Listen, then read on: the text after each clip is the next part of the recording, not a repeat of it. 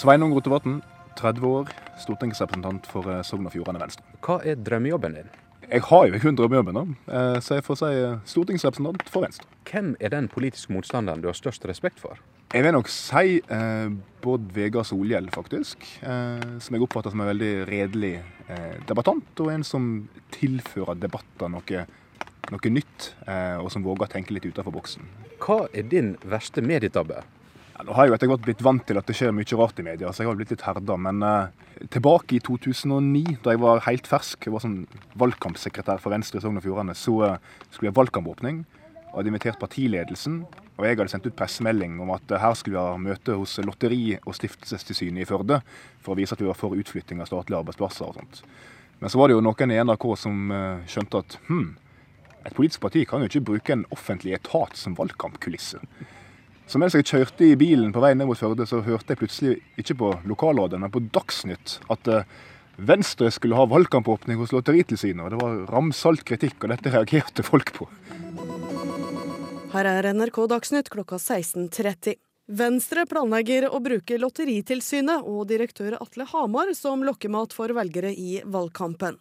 Og jusprofessor Eivind Smith mener dette blir en uheldig sammenblanding. Og Det gjorde selvfølgelig ikke noe bedre at han som var direktør der, var jo tidligere venstrepolitiker. Så det ble veldig, ble veldig vanskelig for meg og for, for, alle sammen. Så da lærte jeg at jeg må, må tenke gjennom det en gjør. Det var Hvordan var det å sitte i bilen og høre den sendinga og vite at dette var din feil?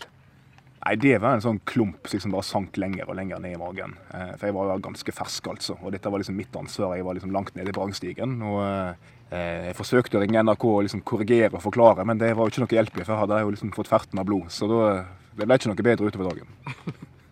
Jeg treffer deg her på uh, Malakoff uh, på Nordfjordeid, heimbygda di. Og dette er en veldig spesiell plass, for ikke bare har de et historisk spel her om sommeren, de har også den etter hvert vidgjetne rockefestivalen Malakoff. Og her, litt tidligere i sommer, så ble en ny storkommune en realitet. Stad kommune, der Eid slo seg i lag med naboen Selje. Hva tenkte du om det?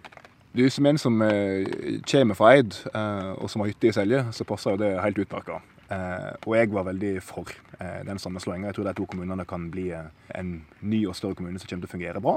Dette med kommunesammenslåing har vi jo jobba mye med på Stortinget i løpet av perioden. og det har variert litt rundt i landet hvor stor entusiasmen har vært. Men i hvert fall her i, i Eid, i min heimkommune, så har det vært store flertall både ved folkeavstemning og i kommunestyret for å jobbe for en større kommune, og det har nå blitt en realitet.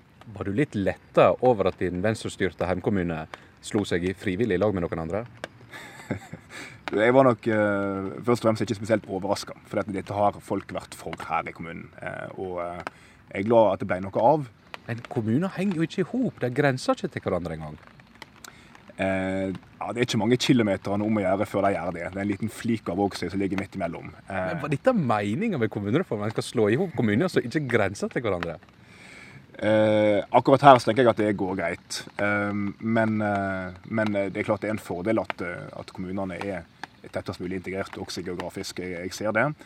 Eh, men samtidig så har i hvert fall en del vært veldig opptatt av at det her må skje frivillig lokalt, og dette må man bestemme sjøl. Og det har han i hvert fall gjort her. Dette har både Selje og Eid villa lokalt, og da tror jeg vi skal akseptere det. Men hvorfor ble kommunereforma så puslete? Var det dette Venstre drømte om da en ville ha sammenslåing av kommuner? Ehm, jeg tror den kommunereformen har gått litt i bølger, eh, rett og slett. Ehm, på den ene siden kan du jo si at nå får vi de største sammenslåingene på 50 år. Og en reduserer antallet kommuner i Norge med, med om lag 100. Egentlig imponerende. Men det er klart på den andre sida, når Norge har ca. 100 bu- og arbeidsmarkedsområder som er definert, så er det klart at mange, inkludert meg sjøl, kunne tenkt meg at en gikk enda videre eh, og fikk flere kommunesammenslåinger. Og Det mener jeg også at vi må jobbe videre med i neste stortingsperiode, hvis flertallet vil det. Iallfall er jeg innstilt på det, at kommunereformer skal fortsette. Og nå får vi etter hvert også gode erfaringer fra de som faktisk slår seg sammen, på hvordan dette her fungerer. Med den, mot, ja, med, klart, med den motstanden som har vært mange plasser, så har det vært vanskelig lokalt. Men jeg tror nok mange også sier at kommunereformer er noe som ikke går over. Det er noe som kommer til å fortsette. Og sist vi gjennomførte en kommunereform i Norge, så tok det godt og vel et tiår. Så vi får se om vi klarer å gjøre det litt raskere denne gangen. I denne stortingssesjonen så har dere brukt kolossalt med tid på å finne ut av hvordan kartet skal tegnes av kommunene og fylkene i Norge. Men var det det du drømte om da du gikk inn i politikken? det er klart at Forvaltningsreform er jo ikke det som gjør at jeg står opp om morgenen med liksom livsens lyst. Det, det må jeg jo innrømme. Eh, det er nok andre ting som gjør at jeg begynte i, i politikk. Eh, for min del så var det jo først og fremst eh, et sterkt klimaengasjement som var viktig for meg. Det var viktig for meg at vi må stole litt mer på folk og la folk få lov til å ta sine egne valg. Og så har også internasjonalt samarbeid og det at vi står sterkere sammen med andre, vært veldig viktig. Så det er nok heller de tingene jeg brenner for og står opp om morgenen for å gjennomføre. Når du da skal finne iveren og engasjementet, hvor, hvor leter du hen da? Eller hvor kommer engasjementet for politikken fra? Altså Engasjementet kommer jo av at jeg har noe litt sånn tru som jeg alltid har hatt, om at ting alltid kan gjøres litt bedre. Altså Er det noe jeg i hvert fall ikke liker, så er det de som liksom stadig tenker at nei, vi har det nå best sånn som vi har det, og kanskje helst sånn som vi hadde det en gang. Så jeg er veldig sånn lite tilbakeskuende da, i, når det gjelder politikk. Og jeg eh, ser nå rundt meg at vi stadig liksom finner på nye ideer for hvordan vi kan løse klimakrisa, hvordan vi kan utvikle ny teknologi som gjør hverdagen litt bedre, eh, hvordan vi kan bygge bedre veier. Eh, og Det er vel det som gjør at jeg engasjerer meg. At jeg tror at hvis en dytter på og våger å tenke litt nytt, så gir det også bedre liv både for, for meg sjøl og for de rundt meg. Men, og det du sa du mislikte nå, det, det tilbakeskuende, det nesten nostalgiske eller um, endringsmotvillige, er ofte noe som blir brukt som en karikatur på Sogn og Fjordane. Det uh, vrange, det motvillige, det lisje, det trauste. Hvordan er det å være ung, kul, hipp venstremann og skal prøve å bli gjenvalgt i trauste Sogn og Fjordane? Du, Jeg er veldig glad i Sogn og Fjordane, og jeg stilte ut til valg for fire år siden. Og vi gjorde det, det nest beste valget i Venstre det året. Eh, og jeg tror Litt av grunnen til det er at eh, ja, det, det, er en del folk i Sogn og Fjordane som helst vil at ting skal være sånn som det alltid har vært. Og De har jo et veldig godt alternativ, og det er til Senterpartiet. Men det er også ganske mye folk i det fylket her som eh, er framoverlente. Som ser at skal vi skape nye bedrifter og verdiskaping, så kan ikke skattenivået være altfor høyt. Vi må ha mindre reguleringer som ser at vi kan bli sterkere sammen med kommunereform. Og når det gjelder regionreform f.eks., så var jo eh, det en frivillig sammenslåing fra Sogn og Fjordanes side. Da fylkestinget tok tidlig initiativ og sa vi vil snakke med de andre fylkene rundt oss, og sa ja til å slå seg sammen med Hordaland. Så jeg tror nok at liksom karikaturen av Sogn og Fjordane som et veldig sånn bakstrevers fylke, det er nok ikke alltid helt eh, riktig. Og det skjer veldig mye spennende her. Og jeg treffer heldigvis også mye framoverlente folk. Noen av de stemmer Venstre, og enda flere burde kanskje gjort det. Eh, du har eh, vært med på det historiske spillet Elskug og Exi som blir spilt her på Malakoff, her vi sitter. Eh, og det gjør du fordi at du har spilt i korps tidligere. Hvor, hvor viktig har korps vært for deg? Nei, du, Det var jo en viktig del av oppveksten min. Altså, Korps er jo viktig for mange i samfunnet, ikke minst på, på 17. mai, når en merker hvor trist det er når de ikke er der. Men jeg har spilt i korps gjennom hele oppveksten. Hatt stor glede av det. Spilt i gardemusikken seinere. Spilt i studentorkester. Og for meg så var det en, en sosial aktivitet der jeg eh, traff veldig mye gode venner. Folk som fortsatt er gode venner av meg. Det er en måte å utvikle seg på. Du lærte å mestre et instrument som jeg tror jeg kommer til å ha glede av resten av livet. Og ikke minst så er jo korps en arena der en ikke har noen innbytterbenk, der alle får være med. Eh, og der en treffer folk på tvers av alder og generasjoner og, og sosiale lag. Eh, så det har alltid vært en hobby som jeg har satt veldig, veldig stor pris på. Og jeg har utfordra deg til å ta med tverrfløyta di og så spille noe for oss. Ja, du har gjort det, og det har jeg nå takka ja til. Eh, så jeg kan godt spille en liten eh, Jeg kan ta innledninga på en låt som heter 'Boré' av Jetro Jethro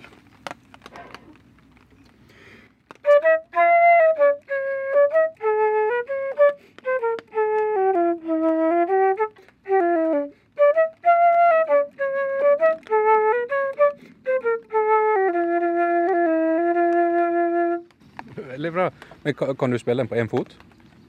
Jeg kan spille den på én fot, men det er litt lavt under taket her vi sitter akkurat nå, så jeg tror ikke jeg skal forsøke det her. men eh, noe annet som jeg har hørt er blitt en musikalsk favoritt for deg, er to eh, unge jenter som er sambygdinger med deg her fra Eid, som har laga en sang som heter 'Vestlandet'. Og de skal også opptre på scenen her på Ballekoff i, i Eid. Kunne du spilt den? Ja, jeg kan uh, forsøke på det. Skal vi se.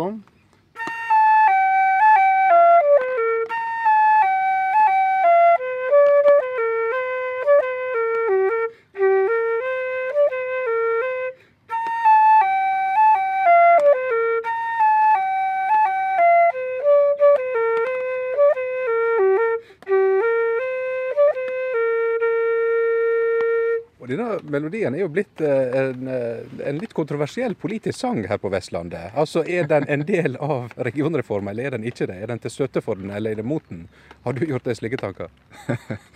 Jeg tror ikke vi skal bruke en, en Grand Prix-låt fra to ganske unge jenter til å eh, ta noe til inntekt for noe som helst som politisk. Men eh, eh, jeg har registrert at mange av de som er positive til å samle Vestlandet, og jeg er jo en av de, selvfølgelig også veldig positive til en Grand Prix-vinner som handler om Vestlandet, og hvor flott det er her, og hvor kjekt det er å bo her.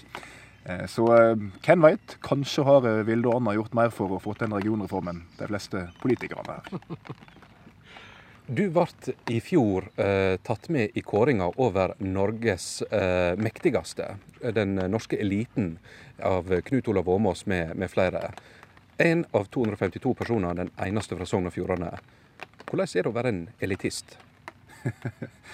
Jeg håper jo ikke at jeg blir oppfattet som en elitist. Eh, men jeg tror nok at det å sitte på Stortinget er jo en posisjon som gir deg en del muligheter til å utøve makt. Jeg sitter jo også som representant i et parti, eh, Venstre, som har hatt en veldig viktig posisjon på Stortinget i denne perioden her. Der det ofte har vært slik at det vi går for eller ikke går for, blir gjerne resultatet. Det være seg i spørsmål om regionreform eller i landbrukspolitikk eller andre spørsmål. Så, så Sånn sett så har jeg jo kjent på flere ganger at jeg har sittet og hatt eh, betydning for hvordan ting blir når det gjelder lovgivning, når det gjelder budsjett. Eh, og det er vel også derfor en, en stiller til valg. Eh, så jeg må jo si at jeg er glad for det. At jeg har fått muligheten til å faktisk få noe ut av det å sitte på Stortinget, og ikke bare sitte og protestere for all verden. For eh, Noen ba meg spørre deg om hvorfor være medlem i et sånt lite tøyseparti, og ikke heller medlem av et stort parti og så få makt og mynde. Meld deg inn i Høyre. ja, eh, det er jo gjerne slik at i et stort parti så kan du jo potensielt utøve veldig mye makt. Det er jo ofte for de store partiene at statsministrene våre kommer, f.eks. Men på den andre sida, i et stort parti, så er det også veldig mange som søker makt. Og da kan det jo bli eh, lite mulighet for, for alle og enhver til å være med. Mens i et parti som Venstre så er det jo slik at det er ganske kort vei opp til toppen. Korte kommunikasjonslinjer. Eh, og selv lokalpolitikere, altså også iallfall stortingsrepresentanter, har rimelig stor innflytelse på det som blir partiet sin politikk.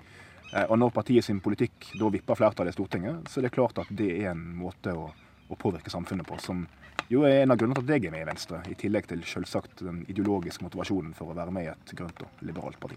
Hvor uroa har du vært over de lave meningsmålingene gjennom året? Jeg har vært uro over det. Det er for Vi i Venstre vant til eh, at meningsmålingene ikke alltid går vår vei.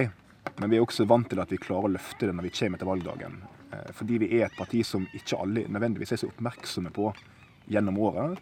Men når de får titta litt nærmere på oss i løpet av en intens valgkamp, så er det ganske mange som lander på å stemme på oss. Iallfall så var det det sist. Jeg mener å se tendenser nå, i alle fall på forsommeren, til at ting er i ferd med å snu. At vi gjør ganske gode lokale målinger. At de nasjonale målingene er begynt å tikke oppover. Men det er klart det er ingenting som kommer gratis. Eh, vi må gjøre en god valgkamp. Vi må virkelig løfte partiet nå. Det er klart at eh, er ikke Venstre over sperregrensa til høsten, så er det heller ikke noe borgerlig flertall. Eh, så jeg tror at det bør være ganske mange som har interesse i at Venstre gjør et godt valg til høsten. I alle fall så skal jeg gjøre mitt for at det blir resultatet. For Du er kanskje en av de mest markante politikerne på Stortinget som sitter på det mest usikre mandatet, nemlig et høgst usikkert utjamningsmandat fra bitte lille Sogn og Fjordane. Hvordan er det å skal kjempe for det politiske livet videre? I Venstre så er det ikke så mange sikre mandat. Eh, der må vi nok alle leve med at vi må gjøre gode valg for at det skal komme inn på Stortinget. Det er ikke bare å sette seg tilbake i stresslessen og vente til stemmene blir talt opp. altså. Men jeg stiller nå til valget i Sogn og Fjordane fordi det er her jeg kommer fra, det er her jeg eh, engasjerer meg, og det er her jeg kan mest om de politiske forholdene, og det er her jeg alltid har stilt til valg. Så vet jeg jo det at det er et ganske godt venstrefylke, dette her. Det er mange som stemmer Venstre her, sammenlignet med andre fylker. Og så lenge vi er over sperregrensa nasjonalt, så mener jeg at vi har gode sjanser til å komme inn. Eh, og jeg eh, kommer til å gi alt i valgkampen, i alle fall. Så får velgerne bestemme til slutt. Vi har også invitert deg til å velge et eh, slagord i den store slagordkonkurransen som vi har gående i sommer. Hva er ditt slagord, Sveinung Rotevatn? Eh, mitt bidrag til slagordkonkurransen det er at eh, folk bør få være litt mer i fred. Hvorfor det?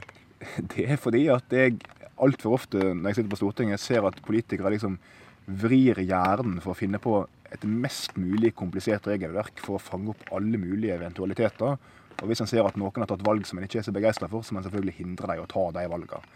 Jeg har litt større tro på at folk ofte veit best sjøl hva som er best både for seg og sine og sitt lokalsamfunn.